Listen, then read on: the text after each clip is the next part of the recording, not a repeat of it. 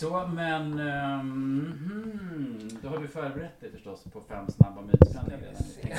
Ah, men gud, jag kom på det. Alltså, när, jag, när, jag, när jag såg liksom Alexas liksom, eh, krämer och grejer, jag bara just det, det är ju någon sån här äh, bästa skönhetstips. Ja, jag det är bara, skönhetspodden. jag bara, min gud, jag bara, oh my god. Ja, men det är bara att berätta hur du lever ditt fabulösa liv, förstår du. Det är ett skönhetstips om något. Oh, thank you. Har vi börjat nu alltså? Nej, vi bara kör lite. vi ska börja nu. Eh, nu ska vi se. Okej. Mm. ja, men jag, jag, jag säger hej och välkomna till utspänning och sen så tar du själva pratan här. Absolut. Okej. Är det Lena Nyman du har där? Absolut. Äls alltså jag älskar Lena. Gör du? Jag älskar Lena. Vem gör inte det? Alltså jag tycker hon är så... Jag brukade titta på många av hennes videos innan jag sökte scenskolan bara för att hitta så här, inspiration och typ så här, vara en duktig skådis. Oh, I love that. Det här är ju Mm. en originaltavla eh, av Elisabeth Olsson Wallin. sant? Oh, wow. signerad. Oj, min sann. Oj, oj, oj. Ja, ja, Mm. ja. Nej, alltså Lena, She's in our heart. ja, verkligen. Fantastiskt. She is, she is. Mm. She's the main bitch.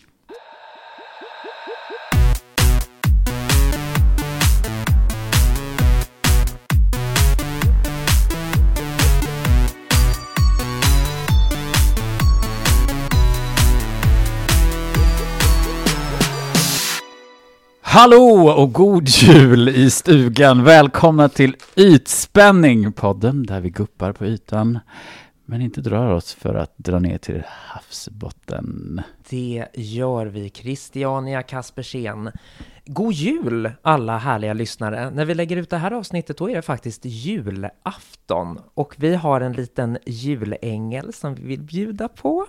Innan vi avslöjar namnet ska vi som vanligt berätta lite om den här personens fantastiska liv so far. Det är en skådespelare och dragqueen vi har nöjet att få snacka med idag. Han är utbildad på Stockholms konstnärliga högskola där han gick ut 2015 och han har spelat på teatrar som Unga Dramaten och Kulturhuset Stadsteatern. Och på den senare har han gestaltat vampyren Eli i Låt den rätta komma in förra året. Han har blivit uppmärksammad också för sin monologföreställning Zebrafinken och nu tror jag att de flesta vet vem det är vi pratar om.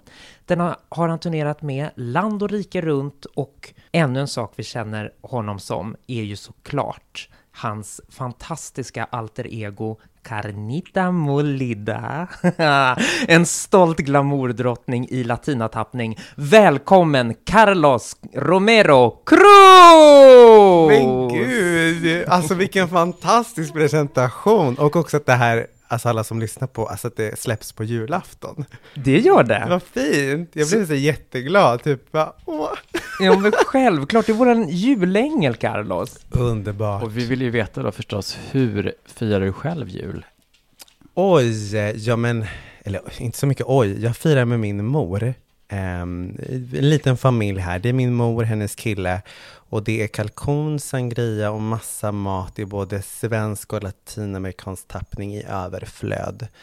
Så när, ehm, när julen är slut så, så har man gått upp några extra kilon, vill jag lova.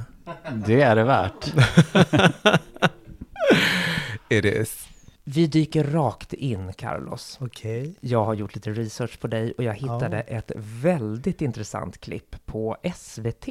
Nej men gud, vad är, det för, vad är det du har hittat? Att du har pratat om zebrafinken och din, eh, din uppväxt som bög. Ja! Och den hade ett väldigt intressant, en väldigt intressant rubrik. Det stod att du ville förgöra bögen i dig. Mm. Kan du berätta lite vad du menar med det? Jag hade ju, eller det jag menade med det var att jag hade ju en väldigt tuff tonårstid som jag tror att många inom liksom regnbågens spektra kan känna igen. Att när man inte liksom platsar in och så. Eller det, jag tror att många har det väldigt tufft under tonårstiden. Och för mig så var det just det att jag kom från ett hem som var mm, katolskt. Ehm, och jag hade liksom vuxit upp med att homosexualitet var synd, det var fel. Och jag kände mig alltid väldigt annorlunda och också att jag hade en dragningskraft till till pojkar mm. när jag var liten. Um, och som jag då liksom ville, jag tänkte bara att det bara var en fantasi, det var egentligen inte vem jag var och liksom ville förgöra det där och försökte på alla möjliga sätt förgöra den jag egentligen var. Och jag tror att det är det jag menar med att förgöra bögen. Mm. För att jag är ju bög.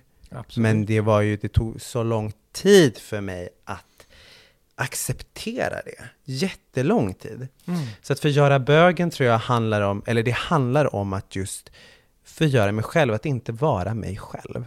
Och det var, det var ju liksom, skulle klä mig på ett visst sätt, eh, lyssna på en viss musik, prata på ett visst sätt, um, um, dölja liksom allt det där som kunde tolkas som bögigt eller feminint.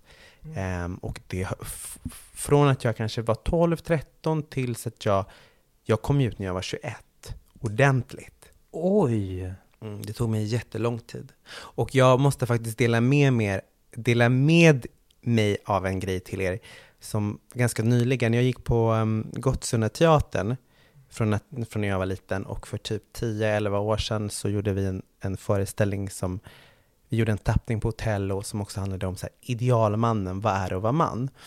Och vi körde den och jag var väldigt så här, flamboyant och sen i, efter sista föreställningen käkade vi middag och så, så sa vår dramaledare och regissör att vi skulle skriva ett brev till oss om tio år. Och jag har sparat detta brev och det har gått tio år nu och jag öppnade det för inte så länge sedan. Och jag wow. blev, då var jag 20. Jag blev så ledsen när jag läste det. För att någonstans så tänkte jag så här, gud, jag undrar vad jag har skrivit till mig själv, för jag hade glömt det där. Och första meningen börjar så här, hej Carlos, jag hoppas verkligen att du mår bra nu. Och jag bara, åh, gud vad underbart. Och så fortsätter läsa. För du har ätit så himla mycket mat just nu, så tänk på att inte äta för mycket. Och typ, håll dig smal, bla bla bla. Och sen så kanske jag har en mening där det är typ så hoppas du håller på med teater. Och sen så börjar jag skriva med tjej. Hur är det med den här tjejen? Är ni ihop? Har du barn med henne? Eh, hoppas att ni kanske har gift er. Jag var 20 bast och jag hade helt förträngt det här. Self-denial deluxe. Self-denial. Liksom. Och jag minns att jag och min bästa kompis som också var med i den föreställningen, vi härjade ju runt överallt och var super såhär, värsta duon och bara kiki, haha, gayness, na na na. Och så har jag skrivit en sån grej. Jag, mm. jag bara va? Jag var verkligen in denial. Och det där är också så här, förgöra bögen, sin in, alltså att förgöra sig själv, den man egentligen är. Men vad var det som hände då, som, som blev någon slags, att du ändå började acceptera dig själv? Och... Ja... Att sluta förgöra och börja våga låta blomma. Jag tror att det var efter att jag, ehm, efter att jag hade min första riktiga så här, sexuella upplevelse med en kille, vilket var när jag var typ början. När jag var, ja, då var in, det var precis innan jag skulle fylla 21. Mm. Och då kände jag så här, nej men jag kan inte nu. Jag kan inte liksom hålla på och säga att jag är straight. Och alla fattar ju att jag är gay, herregud. Och, ah! och då kom jag först ut till alla mina vänner och alla var så här, men gud Carlos, vi vet, vi vet, vi vet, vi vet. Mm. Men jag kom ut året efter, um, samma år som jag kom in på scenskolan, så kom jag ut till min mamma. Um, och jag ville liksom inte göra det till en stor grej, men det blev en ganska stor grej för det året kom, alltså det var liksom, jag kom ut som, jag kom inte bara ut som bög, jag var också dragqueen och min mamma var så här, men gud vad är det här? Är du transperson eller vad är detta? Och gud, och du är bög och nej, vad har jag gjort för fel? Och det var liksom, det var ganska eh, jobbigt att se mamma ledsen för att hon trodde att hon hade gett mig en dålig uppväxt. Så det var nog det svåraste, just att se för mina kompisar, det var en lättnad på ett visst sätt för att då var det som att jag... Ah, det var... Ja, det, var, det var på något sätt lättare, men att säga för mamma var ju såklart svårast. Mm. Um, jag och min bästa kompis Nancy brukade skoja, för min bästa kompis Nancy är, hon är lesbisk och uh, våra föräldrar, hennes mamma är från Ghana, min mamma är från Latinamerika, El Salvador. Och vi brukade skämta om att den dagen vi kommer ut så kommer våra mammor göra en giljotin av köksbordet. Nej. jo, det brukade vi alltid skämta om. Ja, det, det, då förstår man ju verkligen eh, alltså verkligheten ni levde under. Men för, för, du sa liksom att det fanns i din uppväxt att, eh, alltså att det var en synd till och med att vara homosexuell då, enligt religionen. Ja, och grejen är så min mamma är uppvuxen katolsk, men hon har liksom, vi har gått i kyrkan ibland när jag var liten. Men jag skulle inte säga att det är min mamma som har liksom predikat det där. Utan det är mer liksom omgivningen, de vuxna runt omkring som man växte upp med, som var liksom familjevänner och som ibland kunde så här, påpeka att jag inte var tillräckligt grabbig nog och mamma fick alltid eh, försvara mig och, så.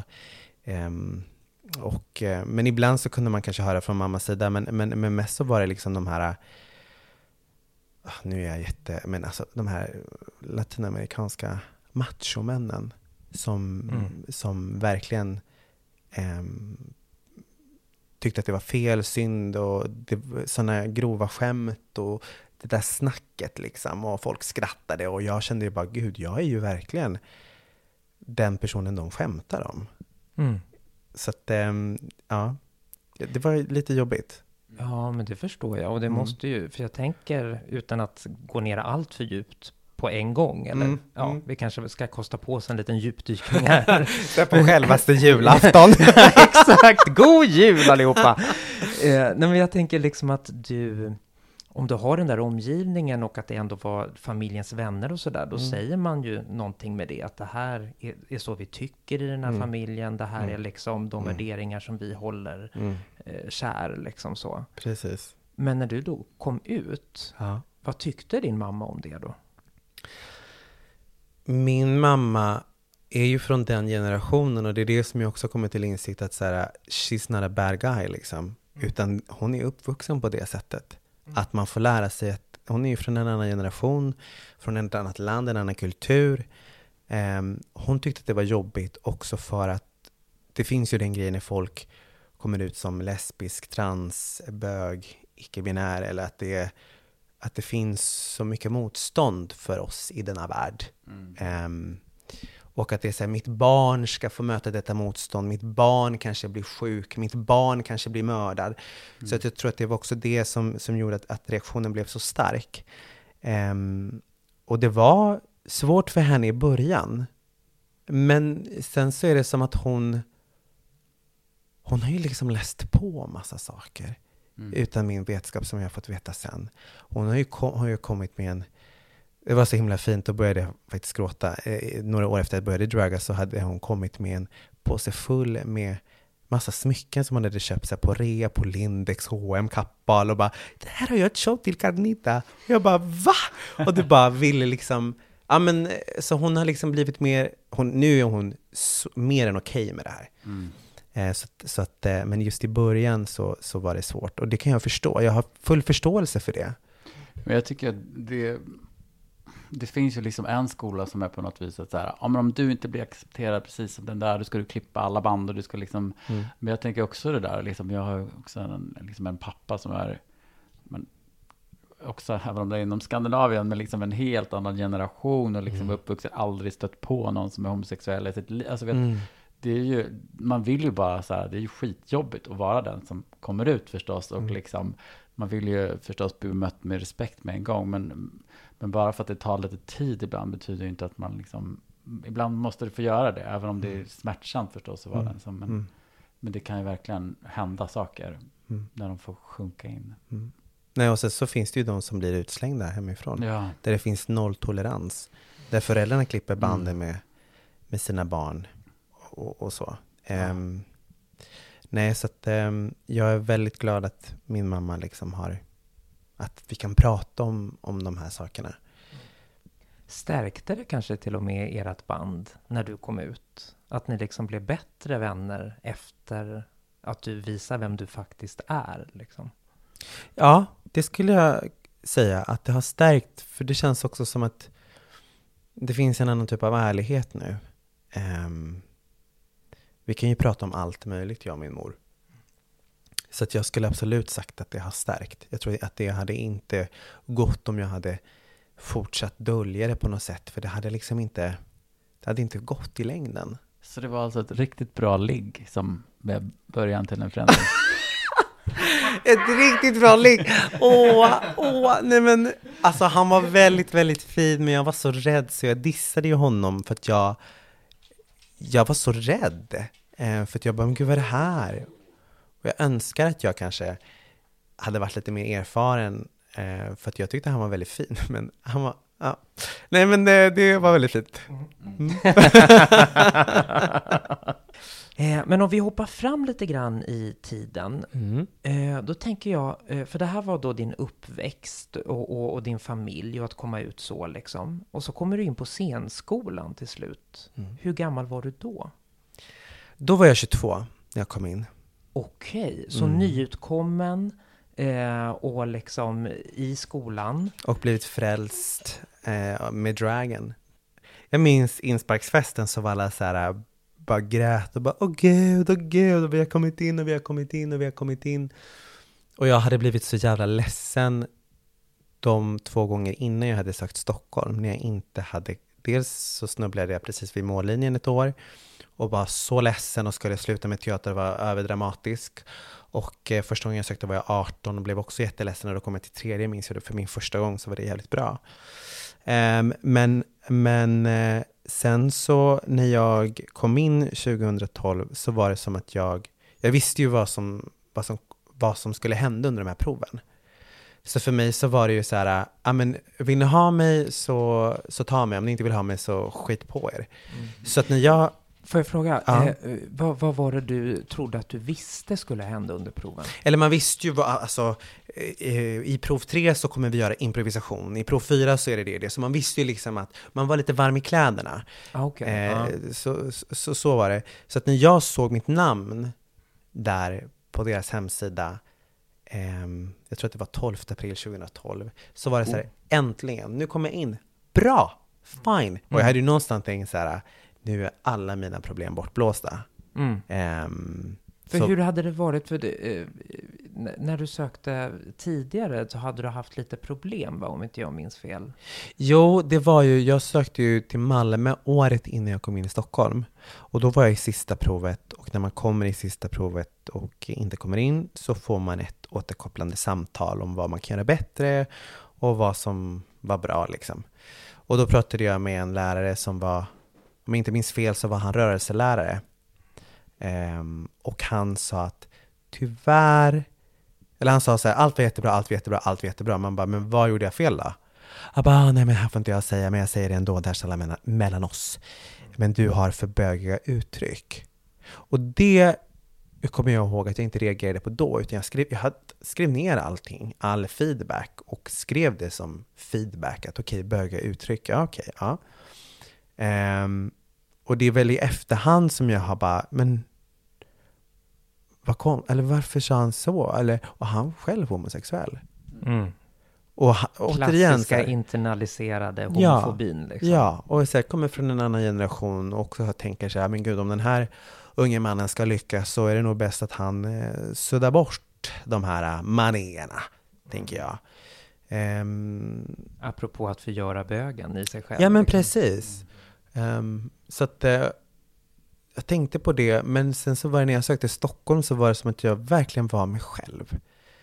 Jag eh, hamnade liksom inte i det här att åh nej nu vågar inte jag, utan jag körde fullt ut. Och det var så här, de får tycka precis vad de vill. För jag är så redo att komma in nu. Liksom. Och jag tror att det var också det som gjorde att jag kom in, att jag verkligen vågade vara mig själv fullt ut, Absolut. tror jag.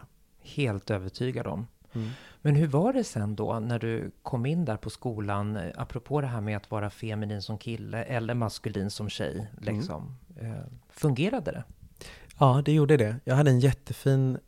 Alla, i- ing, jag mötte aldrig något problem om det var att det var ett problem att jag var feminin eller att jag hade vissa manér. Jag hade en, en jättefin lärare, Peter Teubner heter han. Och han sa till mig så här. Du ska verkligen bara vara dig själv, Carlos. Det är därför vi har tagit in dig. Det spelar ingen roll vad du, vem du gillar och tycker om. Vi har tagit in dig för att du är så pass bra så att du vill ha dig här. Så fortsätt att liksom utforska saker, men utgå alltid från dig själv. Våga utmana dig, men utgå alltid från dig själv. Kärnan hittar du hos dig, i den du är, där det bottnar. Ehm, så började jag liksom inte att bygga upp någonting från början. Eh, och det var aldrig något problem att jag gjorde drag eller att nej men gud oj nu spelar du ah, nej du får inte spela kvinna eller nej du får inte spela det, ah, nu måste eller du för Inga sådana grejer. Det var jätteskönt. Det var jätteskönt faktiskt. Vad underbart. Jag tänker på när du att liksom, jag minns när jag kom ut att jag var så otroligt upptagen med att så här, men nu kommer de tro att jag gillar det här och att jag ska bli mm. så. Att jag, och mm. de får inte, alltså att, att jag hade en massa liksom, idéer och försvar och saker jag var rädd att folk skulle lägga på mig. Men du mm. låter ju tvärtom som att du bara, när du väl kom ut så var det mm. liksom, du körde drag och du ja. visste att du liksom hade ett värde här när du kom in på skolan. Mm. Och liksom, mm.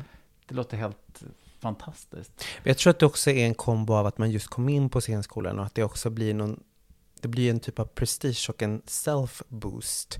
Och att det också mm. blir så här samma veva som drag kommer ut och så kommer man in på scenskolan, det är som att man bara I'm unstoppable. Yes. lite, lite så blir det ju. Coming, yeah. he's coming out with a bang. ja.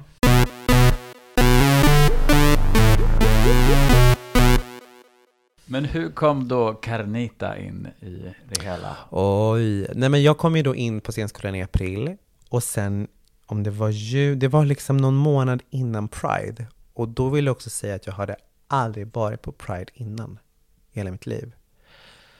Eh, men någon månad innan Stockholm Pride 2012 så träffade jag eh, två killar som blev mina kompisar i Uppsala, mina dragkompisar. Och jag visste, de var inte i drag när jag träffade dem, men när de berättade så var det som att jag bara, okej, okay, men då har jag sett er. Och de är vad jag skulle kalla för liksom hemmadrugor. De fixar sig hemma, dricker en box vin, om inte mer, och sen så går de ut och skitotrevliga och dryga, gör hus i helvete. Och det var ju väldigt kul att vara med dem, för det gav mig ett sammanhang när jag väl började med drag. Um, men sen så var det som att man bara, jag måste ta liksom det här till nya höjder. Okej, okay. du ville step up a notch. Yes. And you did. I did. Och eh, jag lyssnade fast på dig i eh, drottningmötet med Robert Fuchs. Ja. Och då berättade du att, ja, skit är bra verkligen. Spännande Tack. också. För, för du, du berättade där om att du, Carlos och Carnita, ni är två separata individer. Och du, eh, det lät som att du höll en väldigt tydlig gräns ja. mellan dig mm. och Carnita. Vill du mm. berätta mm. lite om det? Ja, jag ska, jag ska börja säga med att, att när jag började med drag så, så, så var det väl inte kanske direkt Carnita Molida. Men sen så utvecklades det liksom och den där rösten har jag alltid haft sen jag, liksom, sen jag var liten och så. Men, men jag är ju verkligen, jag tänker på... Kan du ge oss ett prov på hur hon låter? Åh, oh, gud. Um, Ja, vad ska vi säga, Alexa Lundeberg och eh, Christian e, e, e, e Kaspersen. Vad trevligt vi sitter här och myser och dricker lite te. Åh, vad kul! Nästa gång får ni eh, intervjua mig på den här IT-spänning. Vad trevligt! vi ska göra det. Underbar. Mys. Mm, nej men hon är liksom en, eh, en kärleksfull eh, karaktär och eh, jag pratar ju alltid om henne i tredje person. Jag tänker väldigt mycket på, jag gillar ju filmen Tutsi. Mm. Och då tänker jag på när han, eh, ehm, eh, Dustin Hoffman, hans karaktär, eh, när han berättar om Dorothy Michaels som hans drag är liksom. Eh, som han gör då för att få jobb, att det verkligen är så här, ehm, jag är Dorothy Michaels och Dorothy Michaels är jag och jag känner precis samma sak där. Så här, jag är Carlos Romero Cruz och eh, Molida, eh, jag alltså jag är Carnita Molida och Carnita Molida är Carlos Romero Cruz. Mm. Och liksom det är ingen som säger åt oss vad vi ska göra och så, utan det är liksom allt, allting sker så naturligt liksom. Men det är liksom en helt, en, en annan kropp, en annan röst, det är en helt annan person. Det är så roligt att du, det låter verkligen som Carnita är liksom motsatsen till dina vänner som du hängde med, som eh, hällde i sig vinet, gick ut och var superbitchiga, kaxiga, så mm. är ju mm. liksom Carnita så mycket kärlek och ah. liksom binda samman människor mm. och tror att det fan, liksom, hur kom det sig? Ja, alltså det kändes, jag kände liksom att allt kom så naturligt till mig när jag bestämde mig för att göra Carnita. Ehm, jag var ju också inne ett tag på att jag skulle vara lite mer sassy, lite mer kaxig, lite mer som, som dem. Men det funkar inte riktigt för mig. De gör ju det med bravur ehm, när de är i drag och också off drag, ska man säga. Ehm, men det funkar inte riktigt för mig. Jag, jag kände mer att jag också ville gå på den på, den liksom, på det spåret att vara snäll och kärleksfull. Och det, det, jag känner det och jag tror också folk märker att det är inte konstlat utan det är liksom, it's for real. Mm. Um, så att uh, jag, jag, tycker också att jag, jag trivs mer i den banan, den riktningen med den karaktären. Och det är en riktig USP. Alltså det finns ju många bitchiga, bitchiga queens. Ja men precis, ja, men det, det känns också som att, eh, och, och, och, eh, jag kan förstå för man väljer den, ja, den vägen. Visst. Och den är ju också jävligt kul. Mm. Um, jag är inte bra på det. Jag är bra på att vara bitch in real life, out of drag. with, my resting, with my resting bitch face. Nej, men... well, you don't have a resting bitch face, I can tell. Men eh, okej, okay. men, men varför är det viktigt med den här um, eh, liksom eh, väggen mellan dig och Anita? Är det för att liksom separera, nu är det jobb och nu är jag privat? Eller är det för att du skådespelar, att du liksom lätt går in i en karaktär? Ja, det har att göra med att jag är skådespelare skulle jag säga. Och att det är också att jag, nu är det inte skådespelare, nu är inte det Carlos här, utan det är liksom skådespelaren Carlos som gör Carnita. Mm. Och jag märker också det att det är väldigt, väldigt tydligt när jag står på scen. Så Carnita är ju så mycket improvisation och det är så mycket publik. Så att allting bara liksom, allting går så smidigt, alla skämt, allt som sägs, allt improviseras fram på plats, man tar in. Och sen för någon vecka sen så gjorde jag en julhälsning med Carnita framför en kamera som finns by the way ute nu, eh, som man kan se. Men det är jättesvårt, för då blir det också så privat någonstans att man inte har den där publikenergin att gå på. Kanita är så mycket IRL live. Mm. Um, och det har att göra med att jag är skådespelare, tror jag, uh, och att jag liksom separerat. Det är, det, är ett, det är ett skådespelarjobb jag gör. Ja, precis. Det är så du närmar dig mm. henne då. Liksom. Ja, ja, och jag tycker det är jättejobbigt när jag när jag har varit mingelvärdinna på klubbar där man inte är på en scen och man bara, åh gud, och så går man in och ut ur karaktär. Jag tycker det är jättejobbigt. Jag, jag, I och för sig nu så gjorde jag flera sådana här eh, värdinnejobb på Sidetrack eh, nu under året. Och det var ju på eget liksom, mm, för att jag ville göra det och för att locka dit folk. Och det var jättekul, men jag märker ju också att jag ena stunden pratar som Carnita och sen så pratar jag som mig själv och jag kan, jag kan, jag stör mig på det. Jag tycker det är jättejobbigt. Ja, ja men, och det förstår jag verkligen. Alltså för då försvinner ju Carnita Molida, då blir det ju Carlos i drag då mm. liksom, och det är något annat. Ja, ja. Okej. Men eh, det här är ju ändå ytspänning, va? Ja. Ja, så att eh, liksom Carnita Molida eh, på ytan, alltså mm. så här hur, eller i och för sig inte så himla ytligt, men när du då går in i Carnita, mm. hur närmar du dig henne via ytan? För det är ju mycket där det sker, i dragen liksom. Är det en speciell sminkning som du liksom lägger på ungefär samma sätt varje gång? Eller har du någon liten ritual liksom? När jag började så, och så är det fortfarande, det är efter att ögonbrynen har täckts med limstift och kryolanet, basen är, täcker ögonbrynen. Och då är det som att då har det suddats ut och då kan jag börja liksom. Och sen läpparna också är väldigt, väldigt viktiga. Hur målar du dem? Det är alltid samma läppar. Det är alltid liksom en mörkare lipliner och sen så blir det liksom rödare och rödare ju längre mot läppen man kommer, man ska säga. Och jag gör ju inte min sminkning själv numera. Um, eller jo, det kan jag göra i och för sig. Um, men när jag liksom ska stå framför en kamera eller det är liksom ett gig som jag känner att här måste jag verkligen se skitbra ut, så har jag min goda vän och maskör Mika som gör mitt hår och make. Och vi jobbade tillsammans när jag turnerade runt med Zebrafinken med Riksteatern.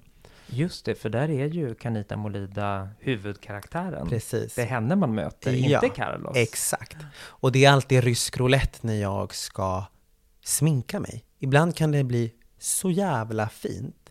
Och ibland så ser det så jävla fult och kladdigt ut så det är inte sant.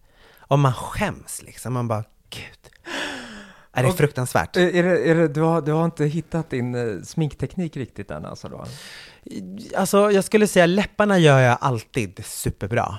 Det är ögonen som, ögonskuggan och det där och öh, Ja men är contouring svårt. och jag behöver Mm. liksom min tid. Det värsta jag vet är liksom om folk säger till mig, ja men eh, du ska vara klar om två timmar. Det går inte. Jag måste få ha tid på mig och då måste jag börja liksom sex timmar innan så att jag kan andas och ta tid och du vet.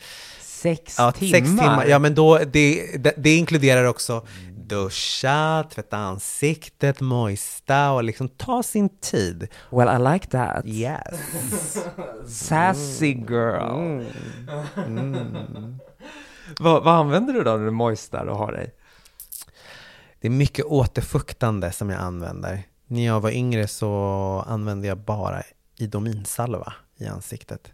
Mm, vilken härlig liten vit Ja, när, man, när man ser gamla foton i gymnasiet, man bara, gud vad är det för vit hinna jag har? Idominsalvan, every day. Eh, men, det är helt sjukt. Nej, men, men det var liksom, jag använde det som ansiktskräm, ögonkräm, alltså allt. Allt. Och jag var liksom jätte, jättemjuk. Men eh, mycket moist skulle jag säga, moisturizing. Ehm, jag har inget så specifikt märke jag använder hela tiden, men jag kan använda allt från Thomas Roth till eh, eh, Malin Åkerblom till, eh, alltså, klinik använder jag absolut inte. Um, vad mer? Typ eh, Shiseido, Bioterm, mycket liksom så här. Ja. Vad säger eh, ytexperten om detta? Det låter väl underbart. Mm. Men vad har du emot klinik? Eh, Jag tycker det är falsk marknads- marknadsföring. Jag tror att de lägger mer pengar på sin marknadsföring än på sina produkter. Mm. Typ det värsta jag använt. Ja, ja, men mycket tycker jag är lite overpriced. Ja, och- inte. När jag skulle köpa en concealer en gång, nu vet inte jag ifall det ändrats, så fanns det bara tre färger. Ah. Three shades. Och alla var för ljusa för mig. Mm. Ja, nej, det låter ju... Och det här, då snackar vi, det här var åtta år sedan. Men det har säkert förändrats. Det har ju hänt mycket på åtta år. Ja, ja, precis. Mm. Men det låter ju helt vansinnigt. Och att det är för mörkt för dig. Jag Det är menar, inte det är för mörkt, för ljust. Ja, jag- Alla, jag menar tre, för- alla tre shades var för Ja. ljusa. Ja, men precis. Mm. Det är ju jättekonstigt. Mm. För att jag menar, det finns ju folk som är mycket mörkare än vad du är också. Då Mm. måste ju det se ut som liksom, Ja. ja, Mm. ja vi, vi alla Mm. fattar. Jag ska Mm. inte dra ut mer.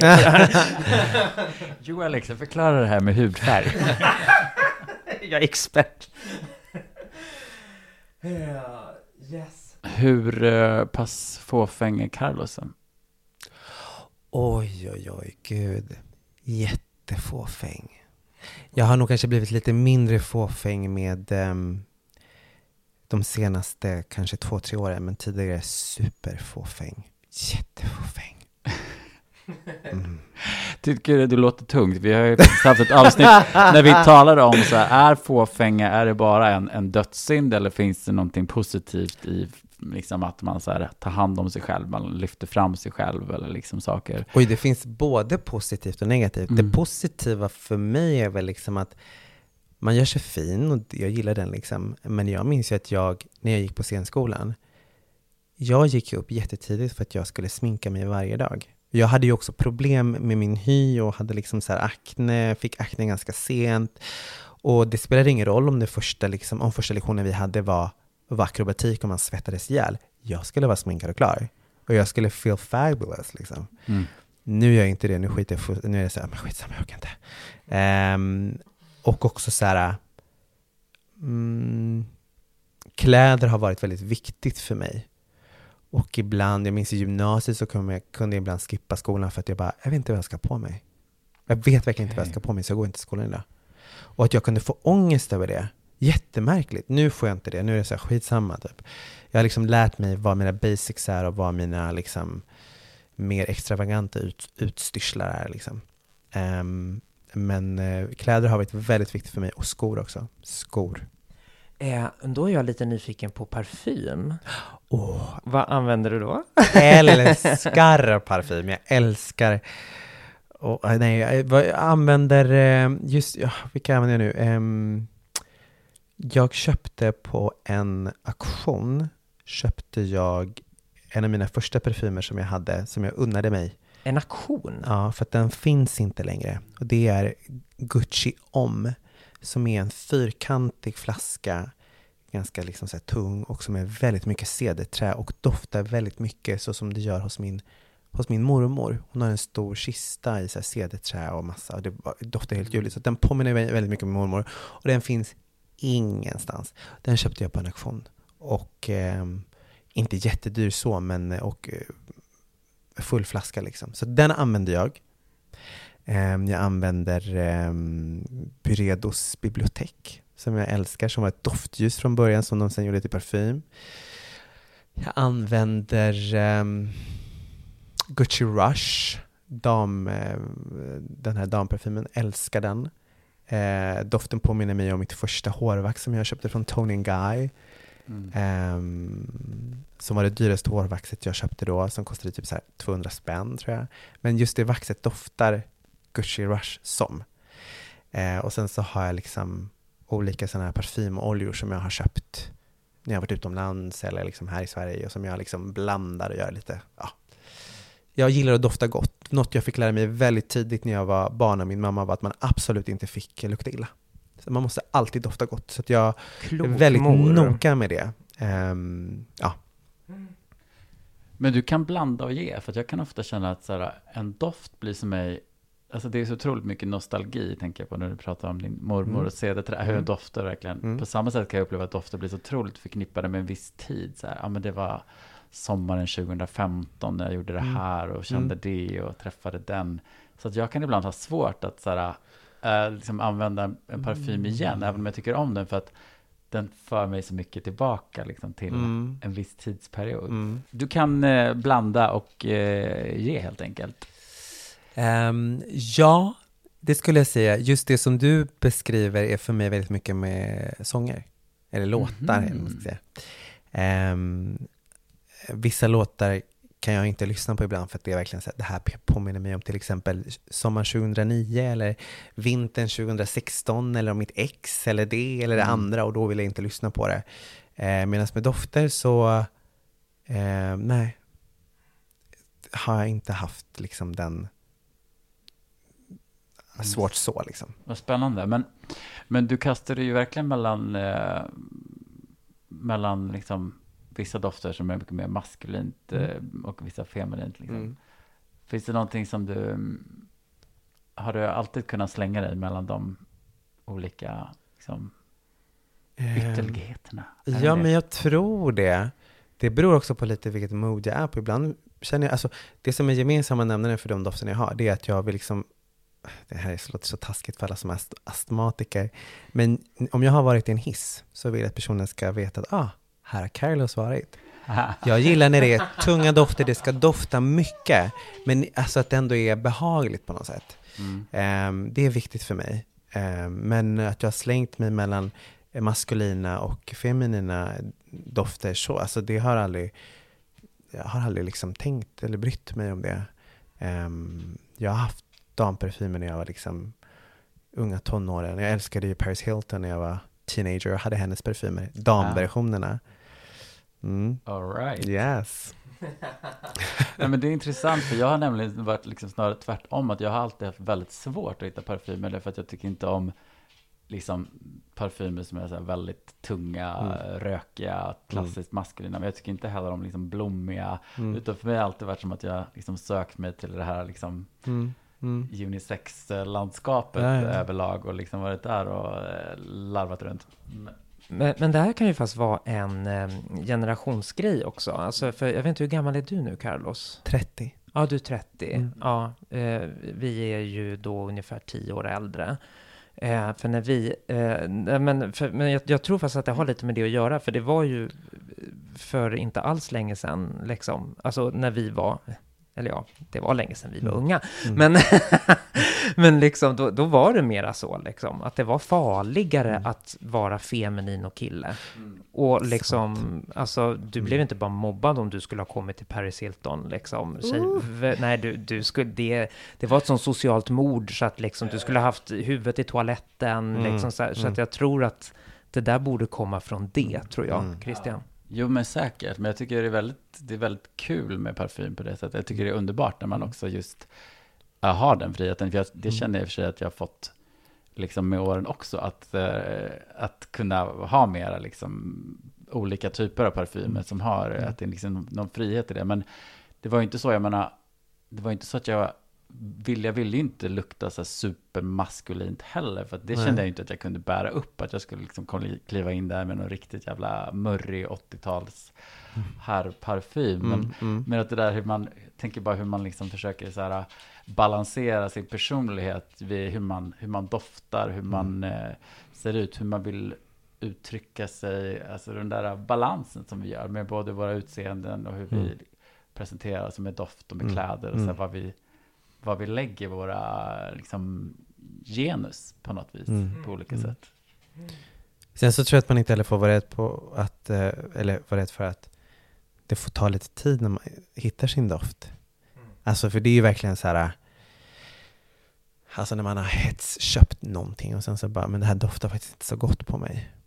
För att när det kommer in i huden så man bara, ups, mitt pH-värde funkade visst inte med den här, med den här doften. Um, men jag har haft väldigt tur med Carnitas parfymer. Hon använder ju allt från liksom Miss Dior till Rosie Cabana och Kelly Kalesh från Hermes och det är liksom så här Expensive blommig- Ja, girl. men du, hon, nu när det går bra så får man unna sig lite. För, då, får, då får hon unna sig. Ja, det får Ehm, men ibland så kan jag också bli så här, men gud, jag orkar inte att den här doften ska dofta så mycket just nu.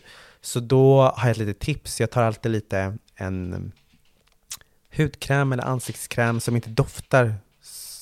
Nästan alla mina krämer och sånt är liksom, är liksom parfymfria. Så då tar man det och sen så tar man lite sprut och så blandar man och så smetar man på runt, liksom, vad heter det? Halsen. Dekolletage. och så doftar det inte lika starkt. Nej, just det. Mm.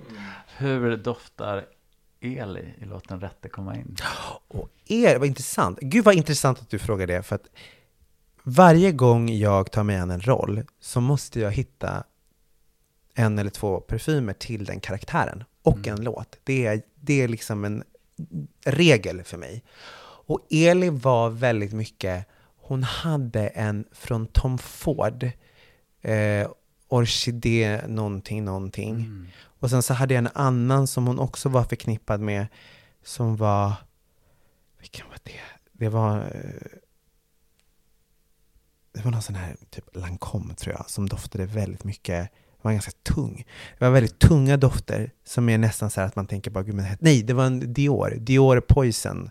Mhm. Som väldigt tunga dofter som är väldigt så här, för jag tänkte också det är en gammal själ, Elin gammal själ, levt i flera hundra år. Så det måste liksom vara det här, det som jag förknippar med som någonting, jag- för jag förknippar de dofterna med liksom äldre damer, fina fruar liksom. Mm. Så de två dofterna hade jag. Vad spännande. Mm. Med en roll som ju samtidigt utåt sett är som en Mm. fast i en barnkropp Mm. liksom. Mm. Men en gammal själ. Mm. Att du hittar en sån liksom damig. eh, Mm. Och vilken härlig rolluppbyggnad också. Att, det just, att du går via liksom doft. Mm. eh, För att man, man skulle ju kunna tänka sig att om man går via yttre eh, attribut så Mm. skulle man ju kunna tänka sig att, att du hade gått efter kanske någon sån moodboard eller någonting Mm, sådär. mm. Så någon sminkning eller någon person som du liksom sådär. Mm. Men att du går via doft. Ja, Spännande. Ja, men just också för den, i den, i den, i pjäsen Låt den inte komma in så finns det en replik som Oscar säger till Eli. Bara, du luktar så, du luktar så illa, du luktar så konstigt, är repliken. Ah. Och just de dofterna som jag valde tyckte jag ändå doftade väldigt nice, men väldigt tunga, ingenting som jag skulle ha själv eller till Carnita. Men också att när jag var yngre så tyckte jag att det där, det lukt, för mig luktade det äckligt. Alltså de där tunga damdofterna.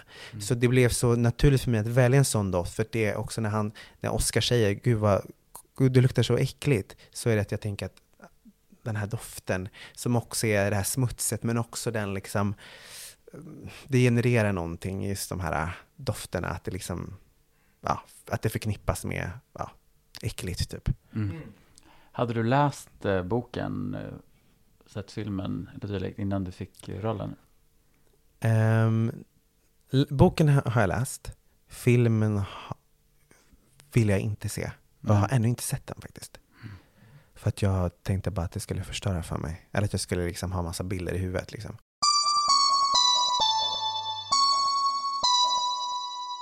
Carlos, vi är framme vid ytspänningens mest magiska ögonblick. Blick. Oh. Det är fem snabba eh, och här kommer den första. Tänk inte bara go with the flow. När känner du dig som snyggast?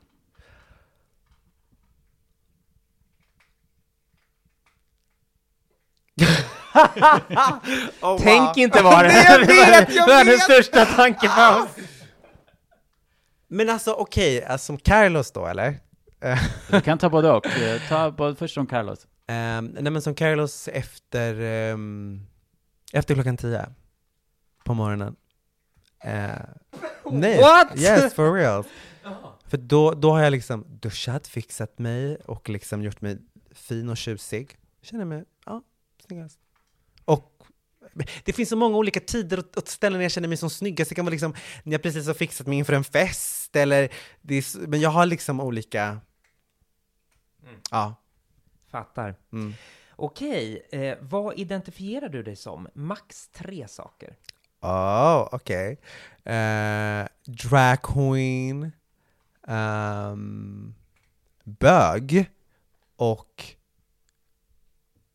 gorgeous. Love that. Last one. Mm. We all need to have that identity. Men du, var befinner du dig på Kinsey-skalan? Då pratar vi alltså procent i man, kvinna. Vad hette det? Det är alltså Kinsey-skalan, den är en helt annan. Men helt enkelt, vad eh, är du 100% eh, mot män eller är det 90-10 eller eh, 30-70? Jaha, hur jag attraheras Ja, av? precis. Jaha, jag trodde du menade typ så här hur mycket jag känner mig som. Liksom. Ja, ja, ja. Eh, Mm. jag skulle nog säga jag... ja, men typ eh, 90% män, 10% kvinnor. Och hur identifierar du dig som då? Bög. Mm, men om, du säger, om vi säger att maskulinitet är en eh, essens och femininitet, vad, i procent, vad skulle du identifiera dig som då? Alltså procentigt då liksom. Mm. Eh, då, skulle jag, då skulle jag identifiera mig som 70% kvinna och eh, eh, 30% man. I love that. Mm. Wow, this queer times. Mm, mm, mm. Okej, eh, din bästa skönhetsprodukt eller beauty hack? Åh, bästa skönhetsprodukt det är en, jag har väldigt svårt att hitta ögonkrämer. Jag tycker det är väldigt tråkigt när det är så gelégrejer och det blir torrt direkt. Jag har upptäckt en ögonkräm som jag tycker är fantastisk från märket Shiseido. Lite pricey men absolutely worth it. Moisting all day och eh, dryg också. Den, den håller länge. Åh, vad bra. Ett litet Mm. tips där. Men Absolut. fick vi hela namnet? Shiseido, bio någonting, någonting och det är anti-wrinkle, anti-bla bla bla. Men den är jättebra ögonkräm. Bästa ögonkräm jag har provat. Nice. Mm. Många frågar efter faktiskt, efter Mm. bra ögonkrämer. Mm. Men du, sista frågan. Vad är din bästa comfort food? Mat som gör dig trygg och när du bara vill mm, pampra dig själv eller tycker synd om dig själv. Eller Nej men det är ju såklart det som man säger är liksom junk food och onyttigt. Det är ju allt från liksom maxmål till pizza, till godis, till ehm, nej men bara liksom allt det där som man som man typ inte får äta, men som man, man får unna sig ibland. Tusen tack för att du kom, Carlos. Tusen tack Så himla roligt. Att du var här, ett liten julspecial. Ja, alltså vår julängel, Carlos. Ja. Gud, vad roligt verkligen. Ja. Äntligen. Ja, men det har varit så kul att få, vara, få, få gästa i Ja, er fantastiska podd. jag får sitta och mysa tillsammans med våra tända ljus här. Ja. Och det är ju jul, julafton. Mm. Så ni som har lyssnat på självaste julafton, god jul! God a- jul. Ja, god jul. Och alla ni andra dra åt helvete. Nej, ska jag bara. Som lyssnar en hel vecka efteråt. Nej, Nej men hörni, god jul, god fort- fortsättning, gott nytt år. Vi hörs igen nästa år blir det. För det här var ju då det sista avsnittet för den här säsongen, Christian. Men vi kommer tillbaka, har vi precis kommit fram till. Ja, vi tar ett litet uppehåll över eh, jul och nyår och allt sånt där i januari. Men sen så kommer vi tillbaka starkare än någonsin. Kom tillbaka då. Det hoppas jag verkligen. Puss på er! Puss!